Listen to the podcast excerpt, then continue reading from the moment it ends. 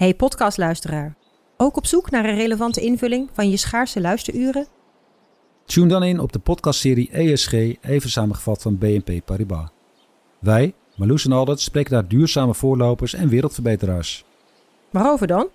Nou, bijvoorbeeld of we ooit duurzaam kunnen gaan vliegen. En waarom koeien in de stad nou een goed idee is?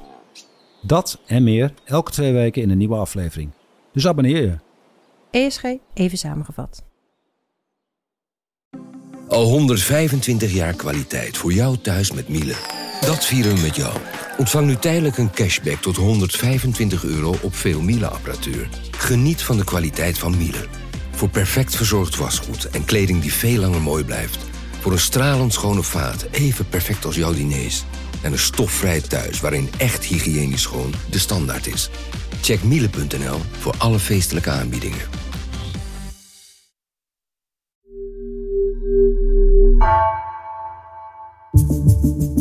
Vanaf de redactie van NRC het verhaal van vandaag.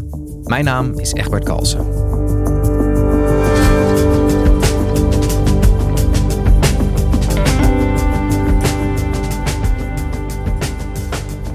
Van strenge en zuinige bijstandsregels naar een persoonlijker en soepeler aanpak. In de politiek klinkt de roep om het terugbrengen van de menselijke maat luid.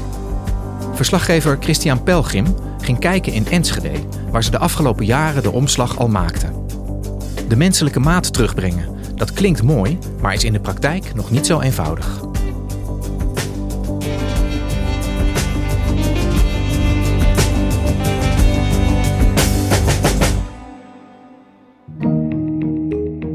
Als ik als journalist in Den Haag politieke debatten volg, dan is er één term die ik heel vaak hoor. Wat we nu nodig hebben is een overheid die de menselijke maat hanteert. We kennen als Kamer ook de verhalen van het systeem dat zo streng is dat de menselijke maat totaal verdween. Allemaal trieste voorbeelden. Voorbeelden van een overheid die te weinig rekening houdt met de menselijke maat. Voorzitter, de menselijke maat. De, de menselijke maat. De menselijke maat. En hij sprak over de menselijke maat. Uitvoering voor de menselijke maat. Hier in deze Kamer, sinds ik hier zit, hoe vaak ik hier het woord de menselijke maat wel niet heb gehoord. En het is ook niet zo gek dat er nu in Den Haag veel meer aandacht daarvoor is. Want ja, de overheid heeft ook wel een aantal keren flinke tik op de vingers gekregen dat het helemaal mis is gegaan. Ja, vooral natuurlijk de toeslagenaffaire, waar burgers echt compleet vermorzeld zijn door een overheid die hen volledig wantrouwde en niet in staat leek om hen te zien als mensen. Um, en eerst eens even uit te zoeken wat er aan de hand is voordat ze uh, flink bestraft werden. En sindsdien lijken politie het allemaal eens dat uh, de menselijke maat moet terugkeren. Maar ik merkte dat ik het soms best wel lastig vond om, om grip te krijgen op. Als je het nou hebt over de menselijke maat, wat bedoel je dan eigenlijk? En hoe moet dat er dan precies uitzien? Maar ik was ook heel nieuwsgierig wat het nou voor ambtenaren betekent om opeens op een andere manier te gaan werken. Als je gewend was om die duidelijke regels te volgen. En je moet nu opeens meer naar de mens daarachter kijken. Hoe doe je dat? Nou, en om daarachter te komen, uh, dacht ik, uh, ik moet een plek opzoeken waar dat goed te zien is. En dat was Enschede. Nou, en daar kwam ik erachter dat het misschien wel mooi klinkt om die menselijke maat terug te brengen. Maar dat het eigenlijk helemaal niet zo eenvoudig is.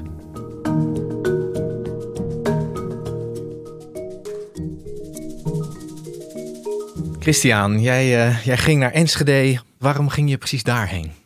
Nou, ik zag dat heel veel gemeenten bezig zijn om hun bijstandsbeleid vooral om dat, om dat soepeler te maken. En dat ze ook in de gemeente zeggen meer menselijke maat.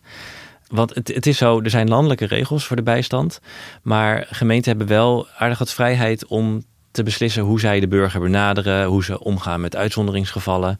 Dus het kan heel erg per gemeente verschillen. En in Enschede is de afgelopen jaren echt een enorm grote omslag geweest. Want die waren heel erg streng in de bijstand. En die zijn nu juist heel erg soepel geworden. En dat biedt een inkijkje van wat het allemaal teweeg brengt als je in zo'n korte tijd van een heel streng beleid naar een heel soepel beleid gaat. Ja.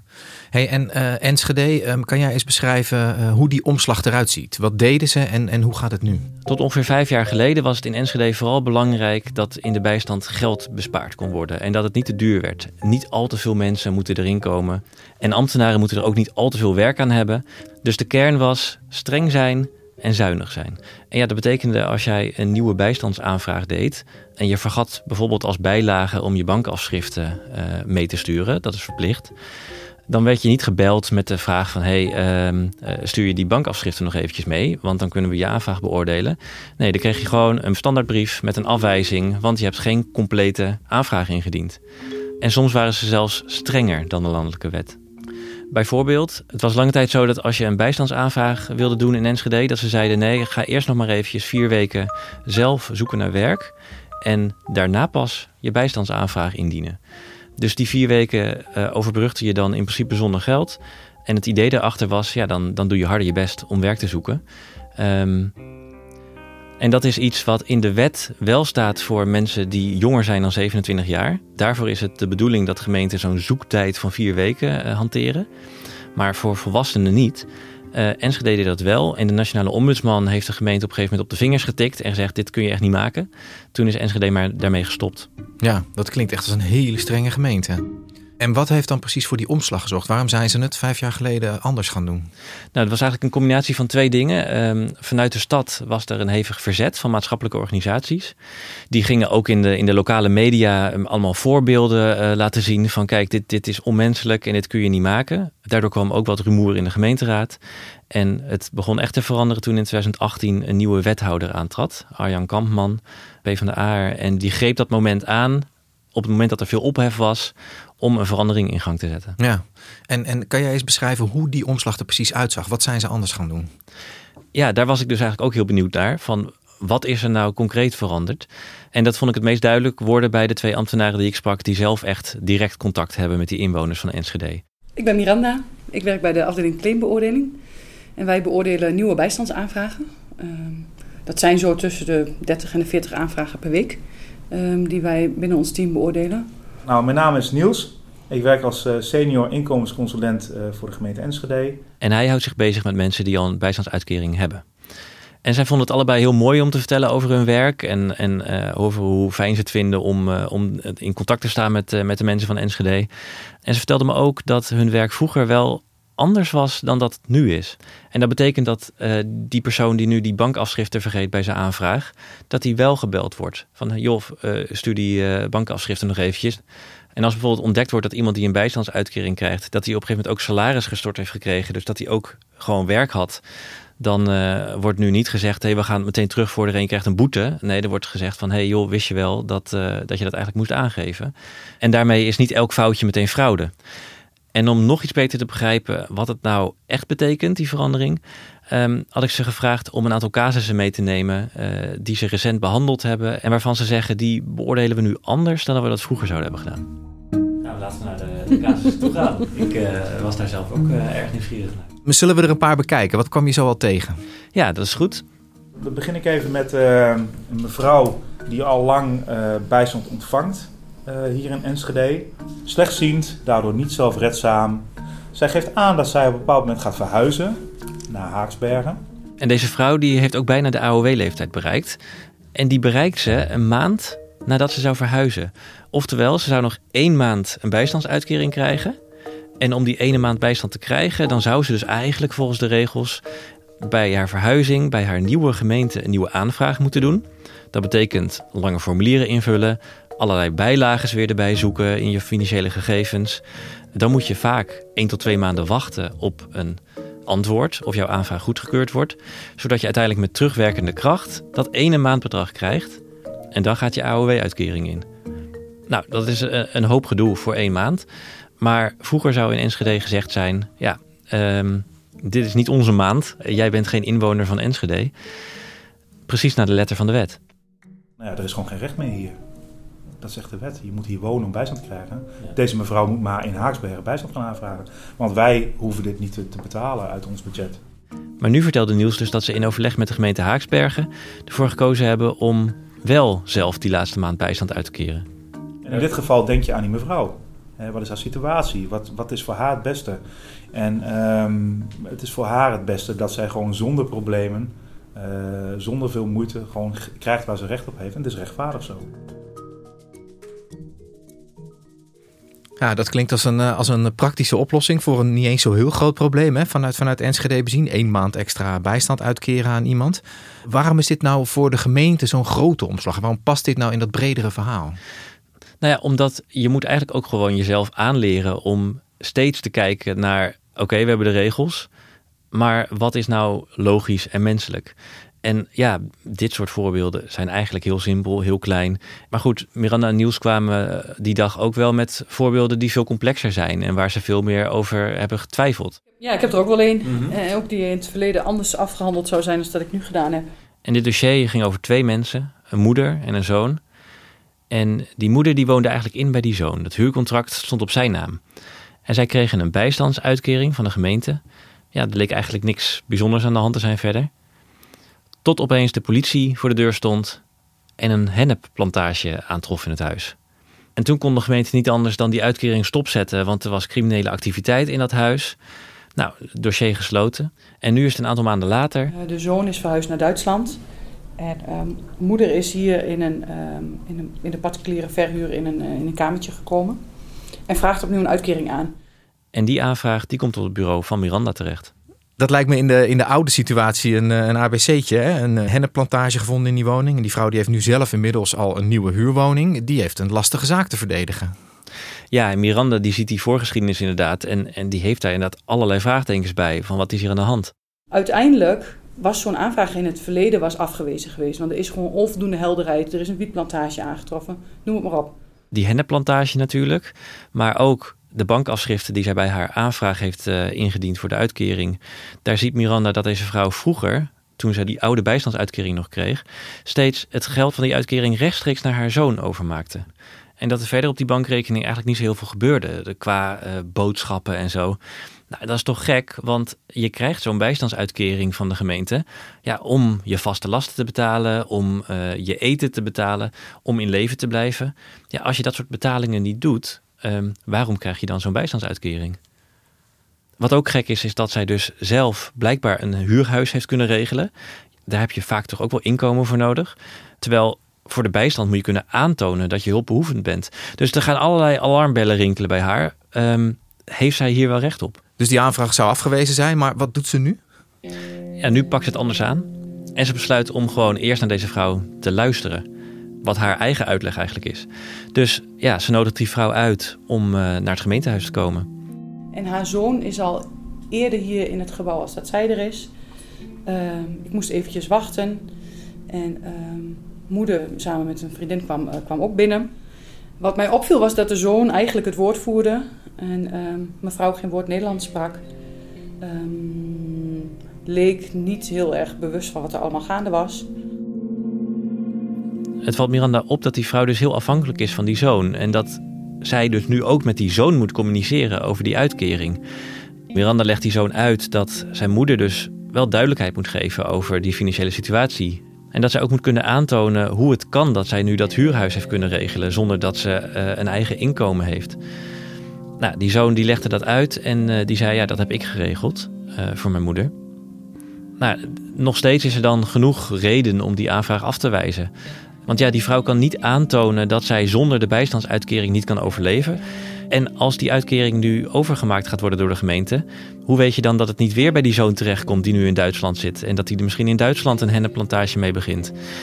Dus eigenlijk staan alle seinen op rood. Heeft Miranda alle reden om deze aanvraag direct af te wijzen en het volgende dossier erbij te pakken, maar ze twijfelt nog steeds. Mijn indruk van dat verhaal was um, dat zoon toch wel wat meer te vertellen had als, um, nou ja, als dat goed was. En dat moeder toch niet zo heel veel zelfbeschikking had. In dit geval um, kijk je dan toch wel wat verder en denk je, ja, als ik nu niks doe, dan is moeder de dupe. Dan stapelen de problemen zich op, zal zij uit die woning moeten, wellicht in de maatschappelijke opvang komen. en op dat moment kun je ook niet aan de indruk onttrekken dat moeder um, um, niet heel erg goed op de hoogte is van die situatie. Dus besluit Miranda iets te doen wat ze een aantal jaar geleden niet zo snel gedaan zou hebben. Ze kent de uitkering toch toe. En, en op welke gronden besluit zij dan om die uitkering toch toe te kennen? Ja, zij voelt gewoon, deze vrouw is kwetsbaar en zij heeft onze hulp nodig. En, en Miranda wil ook niet dat deze vrouw zo afhankelijk blijft van die zoon. Dus zij besluit om die uitkering toe te kennen. Maar wat ze wel doet, is dat ze de huurbetaling en de zorgverzekering rechtstreeks vanuit de gemeente laat lopen. Dus dat kreeg deze vrouw niet op haar bankrekening. Deze vrouw krijgt op haar bankrekening alleen een kleiner bedrag aan leefgeld. Met als reden dat dat in elk geval niet bij die zoon terecht kan komen. En dat dat in elk geval gegarandeerd is. Dat ze dat huis blijft houden en dat ze zorg blijft houden. En dit is dus echt wel een lastige beslissing voor Miranda. Vergis je niet, er zit altijd een, een, een strijd in jezelf, zeg maar. Ehm, hoe je met zo'n aanvraag om moet gaan. Want zij zat wel in een woning waar een wietplantage zat. Ik zeg het nu heel makkelijk, maar je doet dat ook niet zonder meer. Je moet daar wel van overtuigd zijn dat zij daar een minimaal aandeel in had. En het is natuurlijk een risico wat je loopt, dat weet je nooit. En zo leidt de menselijke maat hier ehm, ja, toch tot nieuwe dilemma's, nieuwe spanningen en, en onzekerheden uh, voor de ambtenaar in kwestie. Maar tegenwoordig zeggen we dan vaker om dan toch in het voordeel van de klant um, um, je gevoel te laten spreken.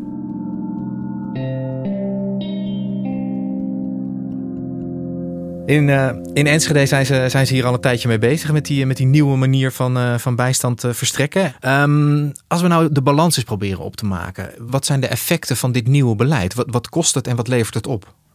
Ja, dat is heel lastig om dat echt hard te zeggen. Maar in zijn algemeenheid kun je wel zeggen, het lijkt erop dat er wel uiteindelijk meer ambtenaren nodig zijn. En dat kost meer geld.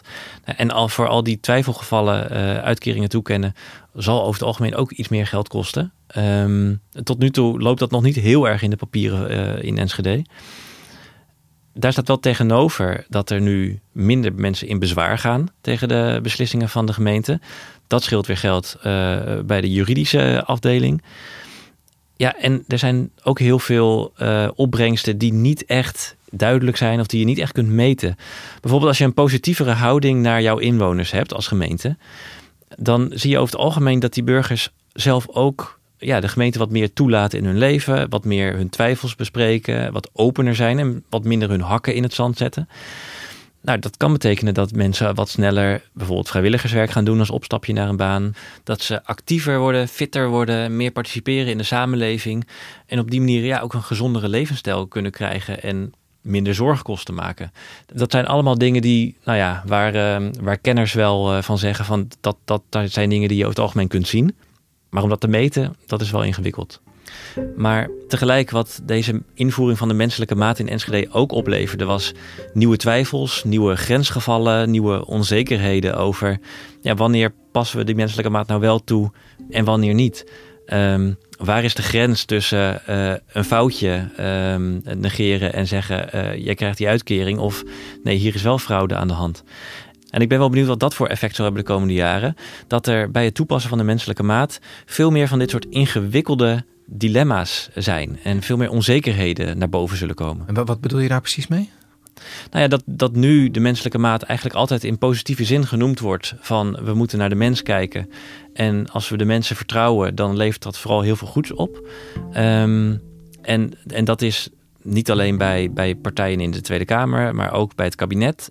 Afgelopen week heeft het kabinet een conceptwet gepubliceerd um, om de regels rond de bijstand alweer iets soepeler te gaan maken en om meer te kijken naar de mens erachter. Dat zie je ook in de uitleg bij die wet. Maar waar ik nu heel erg benieuwd naar ben, is er gaan ongetwijfeld um, voorbeelden naar boven komen eh, de komende jaren van um, mensen die een uitkering hebben gekregen en die daar fraude mee hebben gepleegd. Bij wie de overheid coulant was en dacht wij passen hier de menselijke maat toe en waar daar ja, misbruik van gemaakt is. Dat is onvermijdelijk.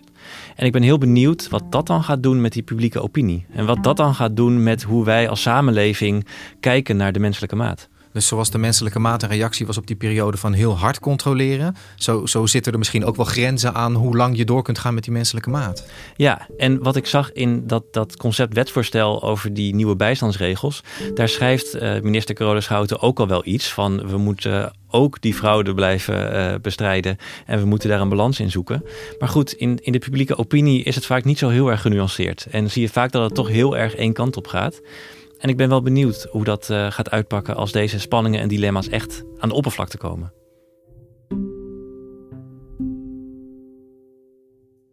Dankjewel, Christian. Graag gedaan.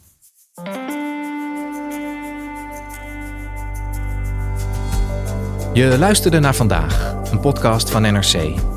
Eén verhaal, elke dag. Deze aflevering werd gemaakt door Ignace Schoot, Claire Verplanken en Bas van Win. Coördinatie Henk Ruigrok van de Werven. Dit was vandaag. Morgen weer.